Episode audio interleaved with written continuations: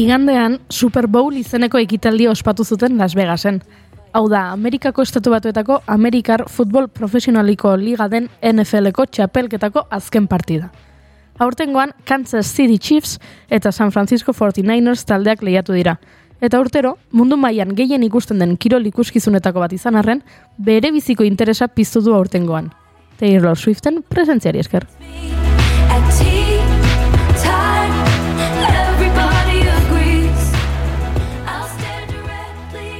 Eta hala ere, beste abeslari bat izan da Super Bowleko protagonista. Bueno, bide batez, esango dizut Kansas City Chiefs izan direla irabazleak, ze Super Bowla aipatu dugu eta eta bere oinarrian futbola dago eta aipatu behar dugu. Baina esan bezala, naiz eta Taylor Swiften presentzia izan oso garrantzizkoa, beste abeslari bat izan da Super Bowleko protagonista, Beyoncé. Super Bowlaren telebista bidezko igorpena urte osoan audientzia gehien izaten duen ekitaldia da. Hori dela eta atxeen aldian ematen diren iragarkiak munduko garestienak dira. Bada, iragarki horietako batean, Verizon telefono zerbitzuaren iragarkian Beyoncé agertzen zen.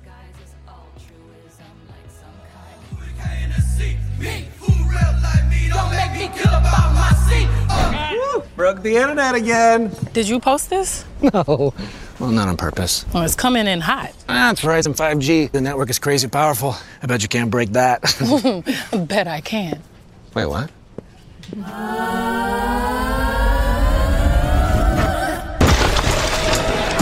Beyonce breaks the internet, but can she break Verizon?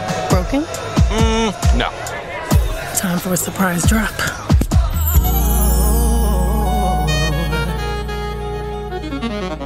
Did I break it? You broke me. oh, no. Say my name. Sleatze. But it still didn't work, so. Introducing Beyonce I. What the? Seriously? How about Barbie?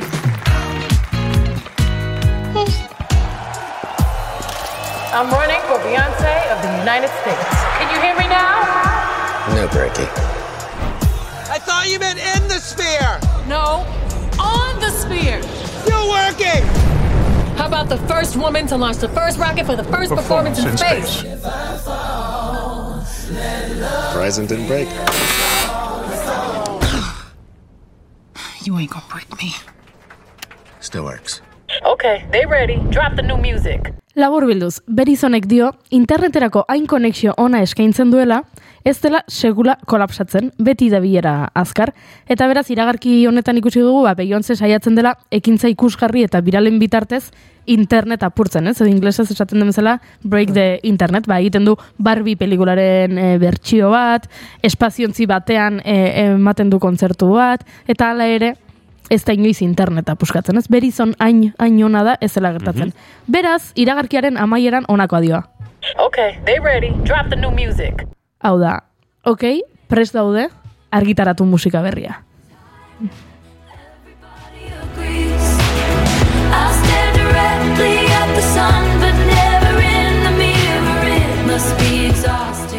Ikusleak nahiko mesfidati ziren, iragarki bat besterik etzen, edo benetan musika berria argitaratuko zuela zioen Beyoncék, ze pentsatzen duzu ezuek? Ze pentsatuko zenuten ikusiko bazenute telebistan iragarki hori? Ba, ba, ez zuela ezer argitaratuko. Bai, Alegia. iragarki utxa zala Bai. bezala. Bai. Ba, minutu gutxi batzuk pasata, bere Instagram kontuan bideo labur bat eh, jarri zuen singelaren izenarekin. Texas Hold'em. Eta data bat, martxoak hogeita beratzi. Beraz, bai, musika berria dator, eta bai, hautsi du interneta. Une horretan, partidari begira egon beharrean, milaka eta milaka, bueno, milioika pertsona Beyoncéren Instagramera begira zeudelako. Eta bapatean partida bukatu zenean,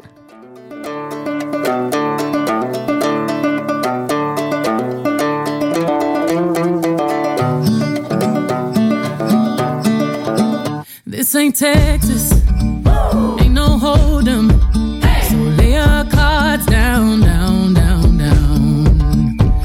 Your Lexus and throw your keys up. Partida amaitu zen eta bi single argitaratu zituen Beyoncék. Texas Hold'em eta 16 Carriages. country kutsuko bi abesti. Zerbait sumatzen genuen, eh? Western eta country jazkeran inspiratutako jantziak erabili zituen hilabete honetako Grammy sarietan eta New Yorkeko moda astean.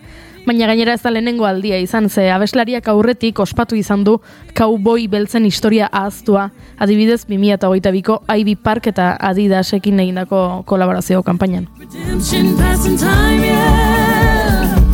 Ooh, one step to the right, we headed to the dive bar we always thought was nice.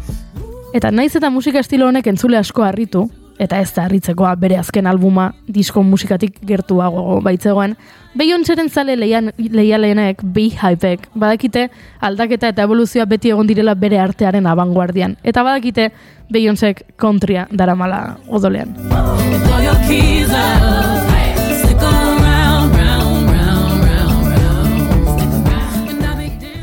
Zeren eta 16 Carriages eta Texas Hold'em soinu eta estilo aldetik kontriak dira.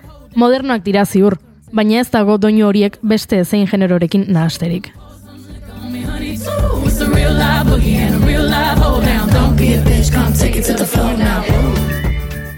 Ez da lehenengo aldia Beyoncék countryarekin jolasten duela.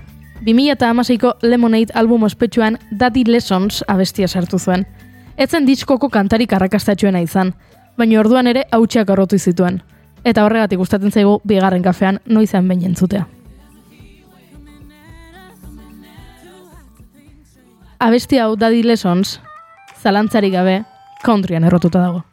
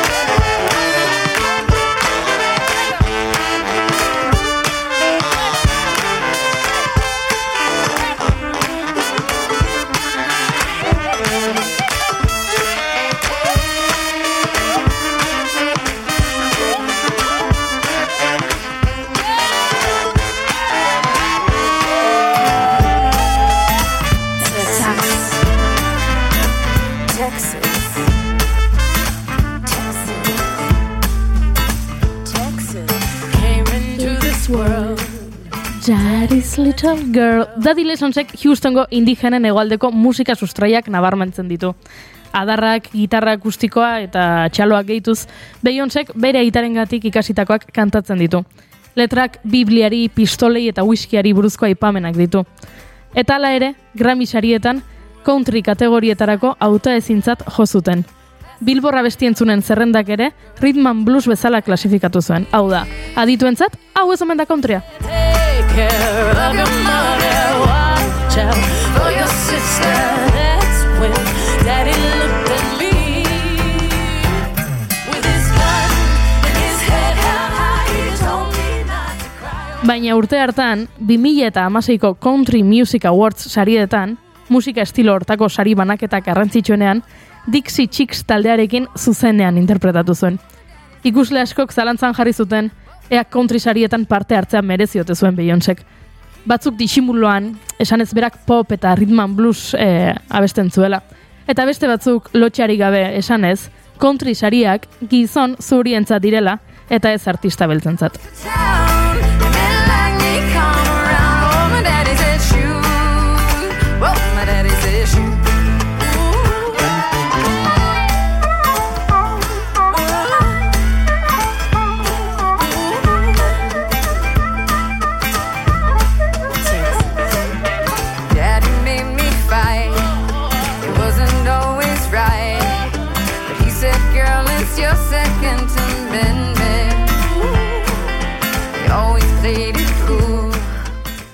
Horrela da hori, country, country musika zurientzat da.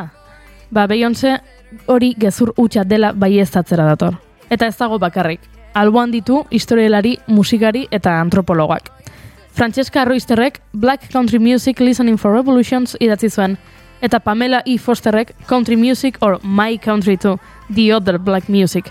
Countryaren historian arrazak izan duen eragina aztertuz. Eta adituak ados daude. Country musikaren gezur handiena da, sinestarazi digutela generoa sortu zutenek, ez zutela generoan lekurik.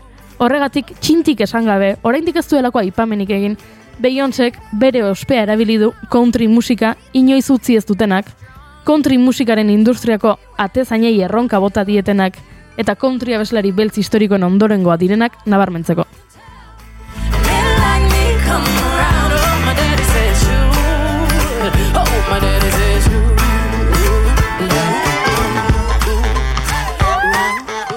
Tamalez, countryak espazio zuria izaten jarraitzen duelako. Country musika talde estereotipatu bat irudikatzen baduzu, edo eskatzen badizuet, venga, pentsatu. Country musika talde bat. Ziurrinek irudikatuko duzu talde bat banjoa jotzen, edo mandolina bat, harmonika bat, pedal altzairuzko gitarra bat agian, eta ziurrenik, ba, estatu batuetako hegoaldeko azentuarekin abesten dabilen norbait. Irudikatu duzun taldearen berezitasunak anemenka alda bai- badaitezke ere, konturatu gabe, eta konturatuta, ziurrenik zure irudimenezko country banda hori pertsona zuri ez osatua izango da. Uka ezina da country musikaren estena espazio zuri bat dela. Lehen mailako kantari gehienak zuriak direla eta izan direla historian zehar. Baita country musikaren ezagutza mugatua duten entzateren ni naiz country musikan aditua, baina pentsatzen badut country musikako azken urteetako eta historiako artistak nor diren, ba zuriak dira, ez? Johnny Cash zuria da, Tim Magro zuria da, e, gaur egungo Carrie Underwood zuria da, denak zuriak dira. Bai, bai, bai. E, hainbestetan aipatu dugun Dolly Partonek ere egin du countrya eta erabat zuria da, ezta? E, bai, e, lehenengo taldetatik eta erabat.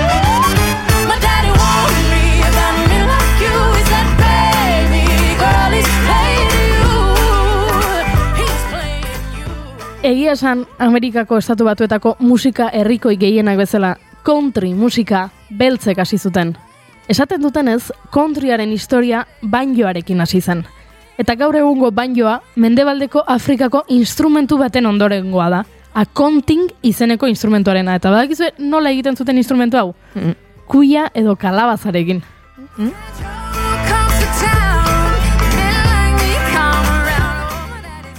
Afrikatik esklauak Ameriketara eraman zituzenean, instrumentu horiek ere kontinentez aldatu zuten. Lareun urtez, esklaboek beren musika ereserkiak eh, espiritualak eta landa kantak sortu zituzten. Guztiak Afrikar musikan erroan zituztenak. Beraz, mila zortzireun eta berrogeiko amarkadan, bainjoa beltzen instrumentuta- instrumentutzat hartzen zen, eta etzen bat ere ohikoa pertsona zuri batek bainjoa jotzea.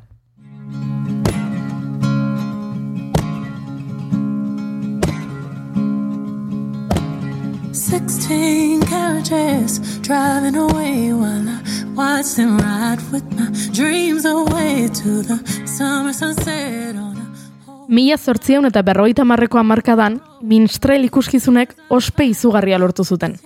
Ikuskizun hauek entretenimendu satirikoko modu izugarri arrazista bat ziren. Hauetan, zuriek blackfacea egiten zuten, badakizu aurpegia beltzez margozarena, eta beltzez jazten ziren beltzei eta kultura beltzari iseka egiteko. Esklauen musika eta dantza antzestuz, aipatutako banjoa bezalako instrumentuekin, ikuskizunek afroamerikarrek alfer, ergel eta inozo gisa irudikatzen zituzten. Gero, nahi gabe, minstrel ikuskizunek jende zuriere, zurien gana eman zuten banjoa, eta zuriek berehala bereganatu zuten instrumentoa. Horrela, minstrel ikuskizunak hogeiko hamarkada inguruan countryaren gorakadaren oinarriak izan ziren. Only God knows, only God knows, only God knows. Sixteen carriages driving away while I watch them ride with my fears away. Pentsa ze bitxia, eh? Ni pertsona zuria naiz, e, amarkada horretan, mila zortzireun eta berrogeita amarreko amarkadan, eta afroamerikarrak, ba, bueno, eta izkit gustatzen, eta eta iraindu egin nahi ditut, eta orduan, beraietaz mozorrotzen naiz. Eta beraietaz mozorrotzeko erabiltzen dut beraien instrumentu bat, dela banjoa. Eta orduan egiten ditut ikuskizunak, barre egiteko, ez? Ba, begira ze, ze, ze tentelak eta ze alferrak diren, eta banjoa jotzen dut. Eta gertatzen da, nire ikusleak esaten duela, hola, ze guapo instrumentu hori. Eta nik erabili dudana, barre egiteko, eta Afrikarren e, irain gisa bihurtzen da, zurientzat, ah, wow, e, instrumentu hori nahiko liura, liuragarria da. Ze bueltak ematen dituen bizitzak, eh? It's been 38 summers and I'm riding my bed on the back of the bus. Imaginatu nahi dut boxeko arrazista eta antimagrebiar bat eh, flamenkoa kantatzen edo txalotzen. Ezuk pentsatu, e, boxeko bat hasten dela euskera zizketan e, barre egiteko, ez? Oh, ah, jaja, e, ha, e, mugikorra, ah, jaja, liburua, jaja, eta bapatean esaten duela. Oh. Oi, ze, mm? ze politia hizkuntza hau, ez? Edo, Erabiltzen hasiko naiz. be, begira, horrelako zerbait. Ba, Hori ez da gertatuko baina.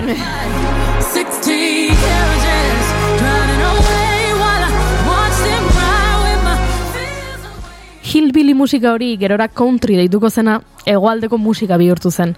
Eta mila behatzion eta hogeiko eta hogeita marreko amarkadetan, naiz eta estatu batuak garai hartan oso nazio bereizia izan, artista beltzak eta zuriak amarkada horietan elkarlanean aritu ziren hainbat country abesti egiteko. Patrick Huber Misuriko Zientzia eta Teknologiako Unibertsitateko Historia irakaslearen arabera, berrogeita mar abeslari eta musikari afroamerikar inguru agertzu ziren urte horietan country disko komertzialetan. Musika etzelako zurien tradiziotik jaio, baizik eta arrazen arteko joan etorriko fenomeno bat zen. Sacrifice and leave my fears behind. For legacy, if it's the last thing I do, you'll remember me. Cause we got something to prove in your memory. On a highway to truth. Still see our faces when you close your eyes. Baina gerra osteko garai horietan, hillbilly musika ja ofizialki country musika bezala berri zendatua izan zenean eta merkaturatua izan zenean, disketxe handiek country musika saldu egin nahi zuten. Baina ikusi zuten ezinezkoa zela hori egitea beltzak integratzen bazituen. Horrela, aurreko disko ospetsuetako artista beltzek ez zuten errekonozimendurik jaso. Eta abestiak musikari zauriekin soilik grabatu zituzten. Bat batean country musika, musika zuria bezala merkateratu zen. Entzule zuriek orduan country musika eurentzat hartu zuten. Bien bitartean, artista beltzak, musikariak eta haien ekarpenak ezabatu egin ziren, beren generotik. Beraz bai, Beyoncék egiten duena countrya da. Bai, country musika da.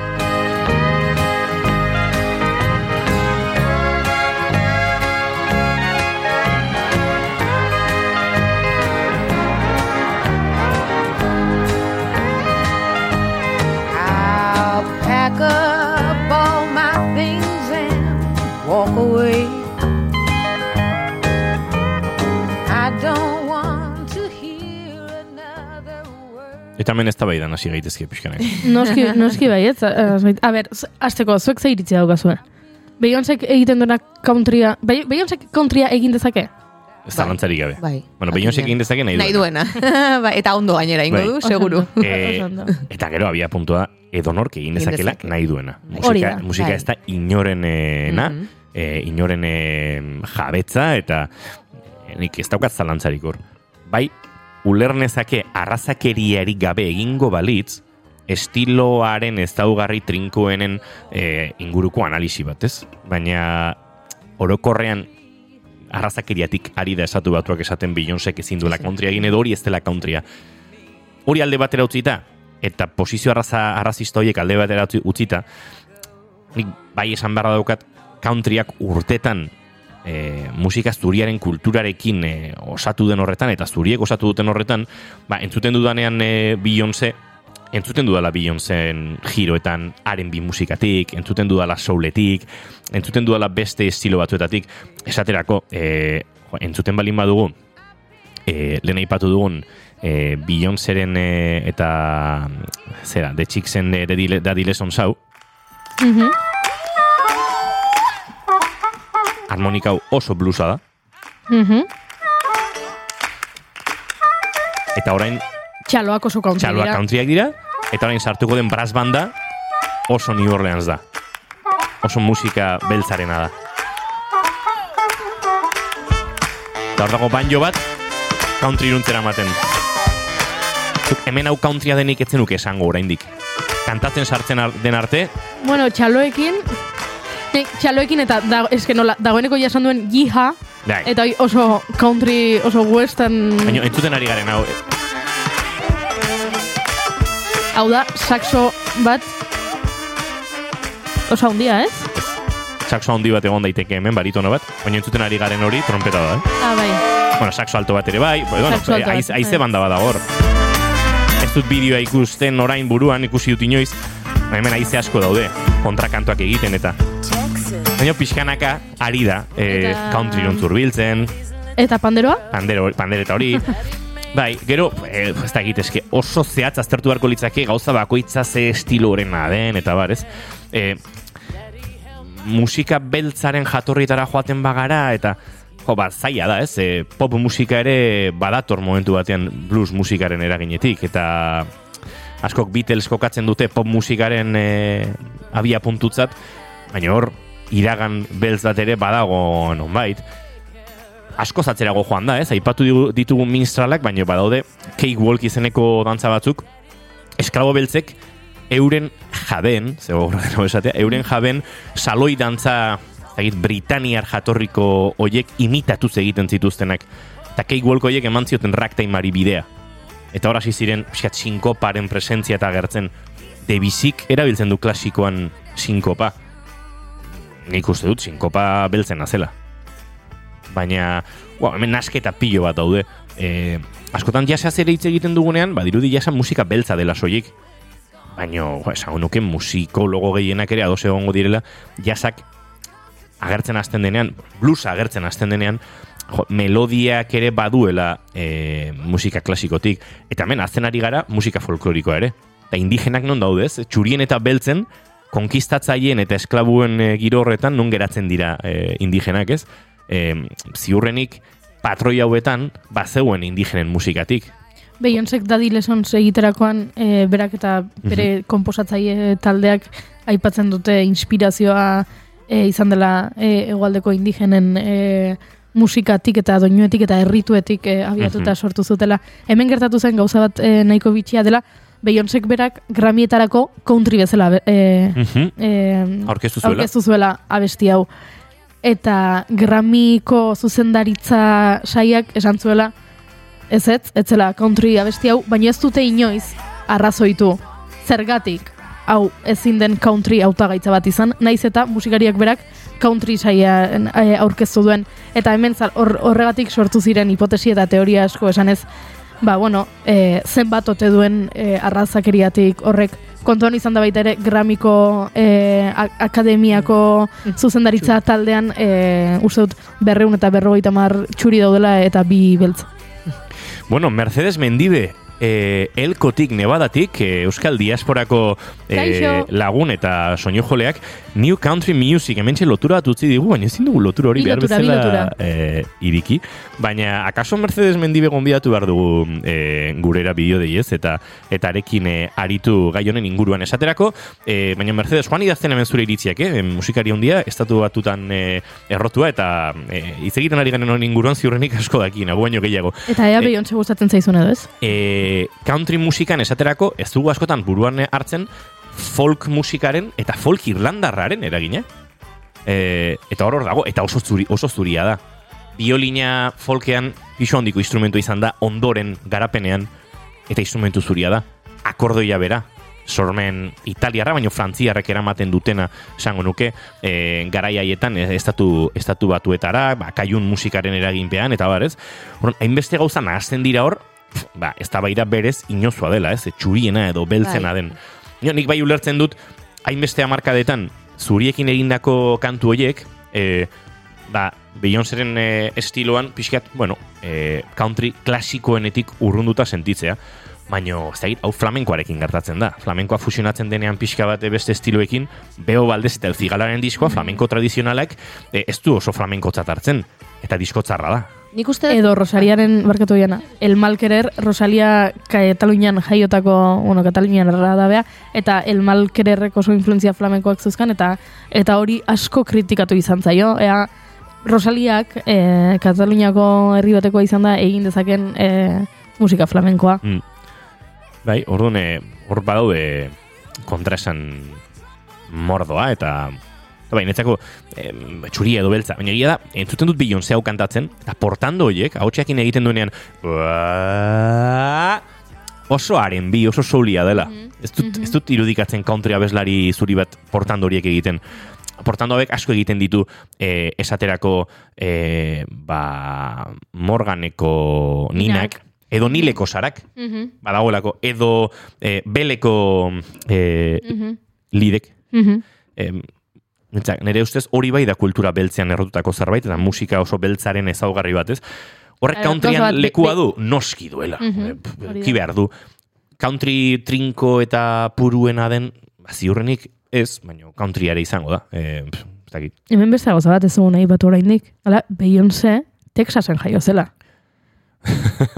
eta eta horrek ere, ba, bueno, ematen diola nola baiteko Zilegitasun bat, zilegitasuna, ez? E, orain, hain, ze, irakurri ditugu, sareetan, e, komentario arrazistak, ez? E, ba, Beyoncé artista beltzak e, ezin du country egin, edo, edo countrya e, lekuak enduko digu e, country abeslari hoi, ze, bera, e, country egitera dator orain, ea gu joango garen orain, e, ez dakit, e, e, Soul Train Awardsetara, beltzen musikan oinarritutako e, zera, Amarkadak daramatzate txuriek musika beltza egin nahian, egiten. Ba, egiten. Eta, bueno, horrelakoak eta irakurri ditugu, baina be, behira, ba, e, Beyoncék mm, nahiko balu, egingo luke e, countrya, naiz eta e, Hawaiian e, edo, ez dakit, e, Wyomingen jaio izan, baina eske Texasen jaio zen gainera. Beyoncé. Eta horrek ere, bueno, ba, e, berak abestu, abesten duenean, Lessons abesti honetan, bere aitarekin harremanaz, eta eta bere aita e, esku batean bibliarekin, eta beste eskuan e, eskopetarekin, eta esanez e, ba, gizonei buruz hau eta beste hau, edo zure eskubidea da hau eta beste hau, ba, bueno, hor bere historia kontatzen ari da, ze berea ere bada. Mhm. Eta badirudi ez dela. Beltza denez, ba, urte, azkeneko urte hauetan e, oso e, e, USA Southern Statesetako e, pertsona zurien historiak kantatzen ari dela dirudi, baina bere historia ere bada. Orduan nola ez du bazi egitasuna eta eskubide oso edukiko horrelako musika egiteko. Ez que behin da, nahi duen egin dezake. Trikitixa ere jodezake, akaso. Ez, nik esan nahi Bueno, hori gertatzen da- ze, Bai, guzti dut gaur barkatu. oian esan esan, guai gara mentxe Bai, ez- ez dio esan, ez zu ez eatea dituak musika, nik ez dut ez zuek adina kontrolatzen, ez ezer, baina nik uste dut batzuetan ere beti etiketatu behar izarra, izatea edo, hau da, edo bestea, nasketa, aipatzen ari zineten nasketa eta fusioietan aberastasuna diatu barko genuke eta ez hainbeste, bai da, edo ez da, karo, hor atzean dagoen guztia ere, aztertu beharko litzateke, baina batzutan, pixkat hortan ere pasa egiten da gizartea, eta azkenean, bai da, eta gero gogorarazi edo eraman zaitzake ahots batek gehiago estilo batera edo bestera, baina bueno, ez? Nik uste, nik ez dakitzuek bezain beste, baina nik esango nuke countrya dala, eta nahi duena indezakela, eta fusioan dagola beraztasuna, eta ni hemengoa izategatik ez dut bakarrek hau ingo, hemen ere dago jendea beste estilo batzuk edo hemengoa zen estilo bat abesten duena, eta, eta zergatik ezin du egin. Zergatik ez bereziki kontuan hartuta e, kontrara zer gertatzen den, ez da? Ez aldugu ba hemen e, odei barroso zoragarri rapean eta Bai. hip-hopean e, aritzen da. dena bere azaltzuriarekin eta zoragarri, abesti zoragarriak egiten ditu, eta oso ondo e, moldatzen da, e, ez dakit, e, roka, e, boi ba, hip-hopa, e, rhythm and blues, zenbat artista zuri historikoki aritu dira, ho- hori egiten. Ba, bai, dudari gabe. Eta normalean, e, zuri eta beltzen artego gatazkan, beti ari da zuria, Bai. nagusitasunetik, Hori privilegiotik, eta beltza ez hori. Bai. Bai. Bai. Baina batez ere, nik uste hori garbi utzi behar dela. Ikaragarrizko nahasketan mordoa daudela. E, pentsatzea gaur egun, e, ez dakit, son kubatarrean e, musika arabiarraren eragina dagoela, badirudi arraroa dela. Baina musika espainolak e, iristen direnean kolonietara e, eragin ikaragarria dute, eta nahasten dira afroamerikarren erritmoekin, harmoniekin, eta eta musika espainolak ikaragarrizko musika arabiarraren eragina zuen dagoeneko, eta beraz, ba, hor e, nahasketa pilo badaude, edo e, askotan azaldu izan dugu, gustoko dugulako em, Brasilgo e, bosanova musika, ez? Bueno, bosanova e, garatzen da estatu batuetako jasarekin bertako samba nahazten denean, ez? Eta samba ukiezin hori, oso oso e, ertxiki lotuta zegoena tradizio brasildarrari, non ziur Portugaldarren kultura europearrak bazuen eragina harmonikoki bereziki, e, nahazten da jasarekin afroamerikarra ere baden eta musika klasikotik edan duen harmonikoki gara, eta sortu da, e, zera, e, Brasilgo e, bosanova. Esan, esan dizaiok zuri bati bosanova egin ez dezakenik, edo beltz bati egin ez dezakeenik.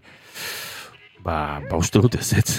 Bai, eske ez hauga zentzurik eta batzuetan nahian nahi gabe egiten dugu eta eta pixkat ondo dago e, errebisatzea, ez? E, eta gure aurre iritziak edo guain ikusi dugun bezala. Kontatu dizuegu country e, musikaren historia. Kontatu dugu esklabu beltzetatik jaio zela. Kontatu dugu kalabaza batekin egindako instrumentu bat dela country musikaren e, oinarria. Ba, agian konturatu behar gara eta horrelako kontzientzia hartu behar da. Beste egun batean hitz egingo dugu adimen artifizialarekin egiten diren e, abestietaz. Ze kontu honekin ere gertatu da adimen artifiziala oso azkar garatzen ari da eta lortu dute adibidez Beyoncéren Texas Hold'em abesti hau hartu eta Miley Cyrusen ahotsean jartzea eta badirudi Miley Cyrusek bere estudioan grabatu duela eta berak e- benetako abesti bat dirudi, naiz eta adimen artifizialak sortua izan. Ze gertatu da abesti horrekin? Jende askok esaten duela. Ua, Zio, zipolitiagoa da, mailiren ahotxean, Beyoncéren e, e, ahotxean baino. Ah, gehiago gustatzen zait. Ba, nere ustez ondo legoke pentsatzea eta aztertzea zergatik gustatzen zaizun gehiago mailiren ahotxean Beyoncénarenean baino. Izan daiteke soilik e, e, estetikoa, baino e, ezin dugu ukatu, ba, bizigaren munduan bizigarela, e, arrazakeria e, barruan daukagula, maila handigo batean edo txikiago batean, eta estetikaren atzean ere badaudela horrelako e, ba, konturatu gabeko autu arrazistak eta eta kulturalak eta eraikitako e, gauzak direla. Orduan, Miley Cyrus gustatzen baldin bazaizu Beyoncéren, Mileyren bersioa gehiago gustatzen bazaizu Beyoncérena baino, bueno, ondo dago errebisatzen, "Mm, zergatik gustatzen zait.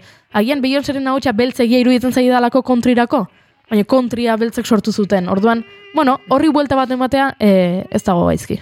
Hmm, bai, baino nik ere ulertzen dute, arrazakirerik gabe egiten bada, badagoela toki bat horrentzat, alegia. E, nik entzuten duenan zuri bate blusa kantatzen askotan pentsatzen dut, ah, hauts zuriegia du blusa kantatzeko. e, zergatik pentsatzen dut hori? Ba, entzun dudalako amarkadetan blusa beltze kantatzen. Bueno, txuriek ere bai, baina e, beltzen sakontasun hori hautsen badagoela beste zerbait. Kasu honetan ze gertatzen da, countrya amarkadetan zuri entzun diegula. Baina ez dago soberan Lotu egitea. Bai, bai, bai, bai, eh, an- ados a- nago. analisi hori ez. Bada azkenean niri Hmm. Ni eder sentitzen naiz takoiak jazen ditudanean, baina zergatik. Zer dago atzean, ez? Zer dago horren eh, atzean, Bai, bai, bai. takoia gustatzen zaizkit, agian estetikoki zapatia baino politiagoak iruditzen zaizkit, e, e, arkitektonikoki Bai, bai. inkluso. Baina horren atzean badago zerbait, zerbaitengatik gustatzen zaizkit niri takoiak. Eta orduan nik uste dut zerbaitegatik gustatzen zaizula gehiago e, Texas Hold'em, Mailiren ahotsean, Beyoncéren eh, ahotsean baino. Mhm. Mercedes Mendibek esan digu, gero eta ezagunagoa da country musika euskal herrian. Beyoncéren country musikaren debut berria oso ezaguna izaten ari da. Apple Music zerrendetan lehenengo postuan da dagoeneko. Aupa Beyoncé! ba, Mercedes, Euskal Herrian country musika ezagunagoa den, ez dakit, orain Beyoncékin zerbait gehiago iritsiko da, eta bai, man, entzun da, country musika akaso poperizatuena, hori ere esan beharra daukagu. Beyoncéren musika ere ez dela country e, puru-purua, e, eta, eta hor badagoela ez, e, pop musikarekin eta beste nasketa bat, baina hemen Euskal Herrian nik orain txiko goan dudan, eta country musika gehien egin duen artista, edo country gehien heldu dena, Mikel Gariko hitz izango da. E, bai, e, irundar ondarri biharra, e, batean jaio eta bestean bizi eta sustaitu delako, ark egin zituen, ba, country, laube eta bestein bate disko, oso country musikari hurbildu nahian eta euskeraz, e, Nashville iriko kantu honetan bezalaxe. Arratxaldetan Eguzkiaren azken printzetan. Amesten zaitut Kale bertzeko Kanto ilunak Zuk edertzeko Malkoz guztirik begian Damu ezin dut jasan Orain arte kantua ez doa oso oso country, nahiko, ez? Pop rock giroan edo makina genezake. Egia Itzalak luzen Daude betzanak Neho jargiak Daramatzanak Ilargiaren Eria jotan Pena bezin dut Agian orain Beyoncé entzun da eta country abesti berri hauek entzun da Euskal talderen batek edo Euskal abeslarinen batek esango dua, ba, nik ere probatu nahi dute estilo hau, eta, bueno, hori ere, mm, ez dakit ez, e, esan aitortu behar diegu artista handiei, e, Rosaliak flamenkoarekin e, egin duen bezala, bagian e, askok sentituko dute ez dela zurea eta ez duzula eskubidea, baina zuri esker, gaztetxo asko ari dira musika estilo eh, hauek lantzen eta hori ere aitortzeko modukoa. da. Zor, arraza kontuak beti naztu dira. Flamenkoa hijitu izan gabe kantatzea ere bazirudien ezinezkoa zela eta hori ere gainditu da. Bueno, edo gainditzen ari gara ez dakit. Zugan urtzeko pena hau bihur berin Den dena gau